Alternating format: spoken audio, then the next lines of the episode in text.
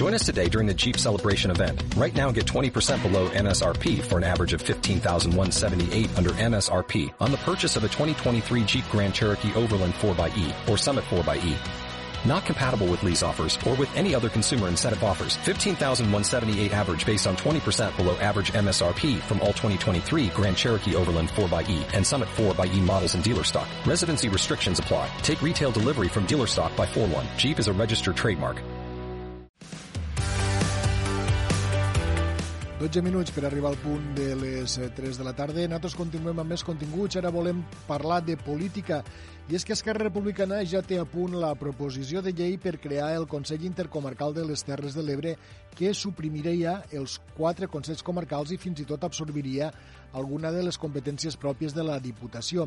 Aquest organisme tindria com a precedent el Consell Intercomarcal creat pel president Tarradellas l'any 1978.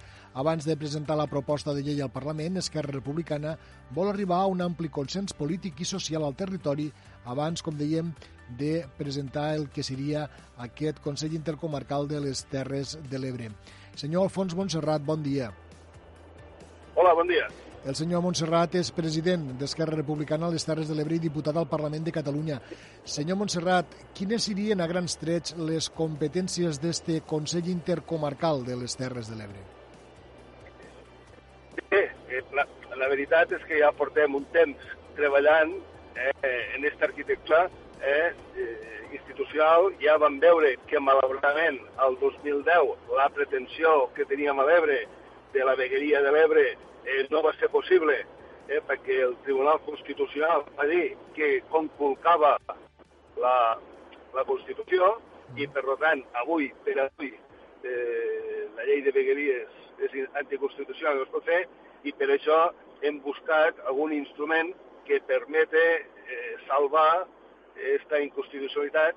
Eh, aquí hi ha un instrument que és bo, que és ara el 2018, al País Valencià ja van fer la llei de mancomunitats, és una altra cosa, però permet salvar-ho i una mica basant-nos eh, en aquests precedents jurídics. I també el precedent eh, abans de la Constitució, ah, i abans de l'Estatut de, de, de, a l'Estatut del Consell Intercomarcal, eh, buscar aquest instrument que ens permete dotar-nos de més, més instruments, de més capacitat per a poder continuar transformant la nostra realitat. Eh?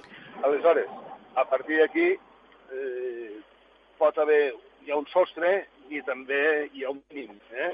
Lo, eh, lo mínim seria que aquelles competències que tenen els eh, se poden mancomunar, per tant, aquí serem i a partir d'aquí eh, cal veure eh, quines dificultats jurídiques se plantegen i com se poden evitar, però òbviament sí que tindríem que hi ha eh, competències que, per exemple, són del govern de la Generalitat, que en aquest moment eh, les exerceix la, la Diputació, com per exemple la, la marca turística Terra Celebre, que pensem que tindria tot el sentit del món que en vez de, de que la marca turística Terres de l'Ebre, en comptes de gestionar-se des de fora de l'Ebre, s'hi pugui gestionar des de casa, no? Mm. I així pues, hi ha tot un ventall, hi ha algunes competències que sembla que serà més eficient si s'executen i se segueixen des d'instàncies més elevades, però en canvi hi ha serveis eh, que si es fan segons el criteri de subsidiarietat, com més a prop de la població es facin millor. I per tant són aquestes les que s'haurà d'anar plantejant una a una per a dotar-ho en definitiva de més competències i en definitiva de més capacitat de transformació de, de la nostra realitat. Per tant, podem dir que hi ha fórmules jurídiques viables en l'actual marc legal per poder tirar-lo endavant que no n'hi hauria prou, com aquell que diu, només amb una llei del Parlament de Catalunya, no? Sí, l'avantatge d'això, exacte, l'avantatge és que en una llei de, feta pel Parlament ja n'hauria prou. Per aquí que la nostra pretensió és que això sigui una proposta del territori, com més consens social i polític hi hagi, més força tindrem i molt millor, per tant, aquí s'haurà de treballar tothom plegat, eh? i la gent només del Parlament, en la qual això és el que li dona, en principi, aquesta factibilitat.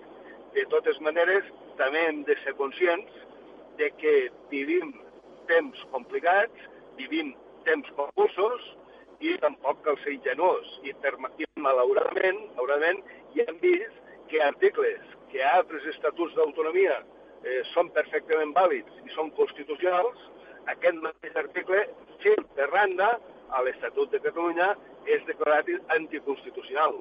Per tant, intentem anar en tot el blindatge possible i basant-nos al màxim en lleis que han estat declarades anti, que, perdó, que han estat declarades constitucionals a altres comunitats autònomes i per tant ens hem de blindar aquí, però malauradament això tampoc ens assegura que una vegada més tinguem un tracte discriminatori.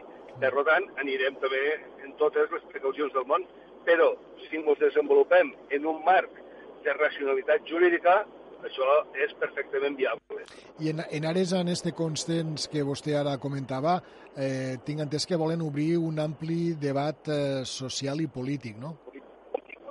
Eh, efectivament, no? I, i de fet, eh, ja, clar, ja, ja portem un temps treballant-ho, ja tenim, de fet, ja han començat a parlar en, en, en distintes formacions polítiques, d'una manera per a començar tots plegats este procés de, de reflexió, maduració, eh, i d'anar avançant eh, per fer-ho. Això, ja és, això ja està engegat. No, eh, no han parlat amb tothom encara, però sí que han parlat amb diverses formacions eh, i també en ens socials, no?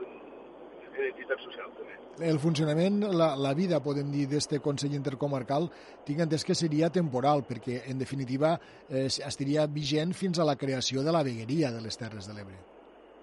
Sí, exactament. No? Això seria el dia que hagués la vegueria i estaria, de totes maneres, el problema que tenim, que hasta que no hi hagi una renovació i eh, des del Constitucional abandonen aquesta manera d'interpretar la, la Constitució d'una manera tan reduccionista, tan restrictiva, ho, ho tenim magre, no? Per tant, mentrestant, eh, és tindre aquest instrument, perquè el problema que tenim a Terres de l'Ebre és que la, la, la realitat administrativa del govern que tenim o peca per defecte o peca per excés. Eh? Tenim els consells comarcals, que són menys, oi? que va cobrir les Terres de l'Ebre, han de ser la suma dels quants, o per dalt dels consells comarcals, l'altra administració local que tenim és la Diputació, eh? que és més que, que, que Terres de l'Ebre, eh? engloba les Terres i el Camp de Tarragona. Per tant, el que miraríem és no afegir noves administracions, sinó transformar les que tinguem i adequar el seu àmbit eh, geogràfic a el que seria el nostre territori, el que seria la vegueria de Terres de l'Ebre. No? Per tant, buscar aquesta adequació. I, per tant, en definitiva, tindre un instrument que, a part de tindre les competències, també aporta aquest plus de diferenciació i de projecció i poder afrontar millor reptes que tenim i problemes que tenim d'una realitat a Terres de l'Ebre que malauradament és important, no? I no parlo únicament del delta i del riu, que també, sinó del despoblament, del baix nivell de renda que tenim, etc etc. Són problemes latents i que s'han d'actuar. No? I per tant, és important poder tindre... No, és important no resignar-nos, no, no resignar-nos en aquesta estructura institucional que la, que la, la interpretació de la Constitució tan restrictiva va i buscar solucions i buscar àmbits que ens permeten superar eh, aquesta interpretació que tenim en aquests moments.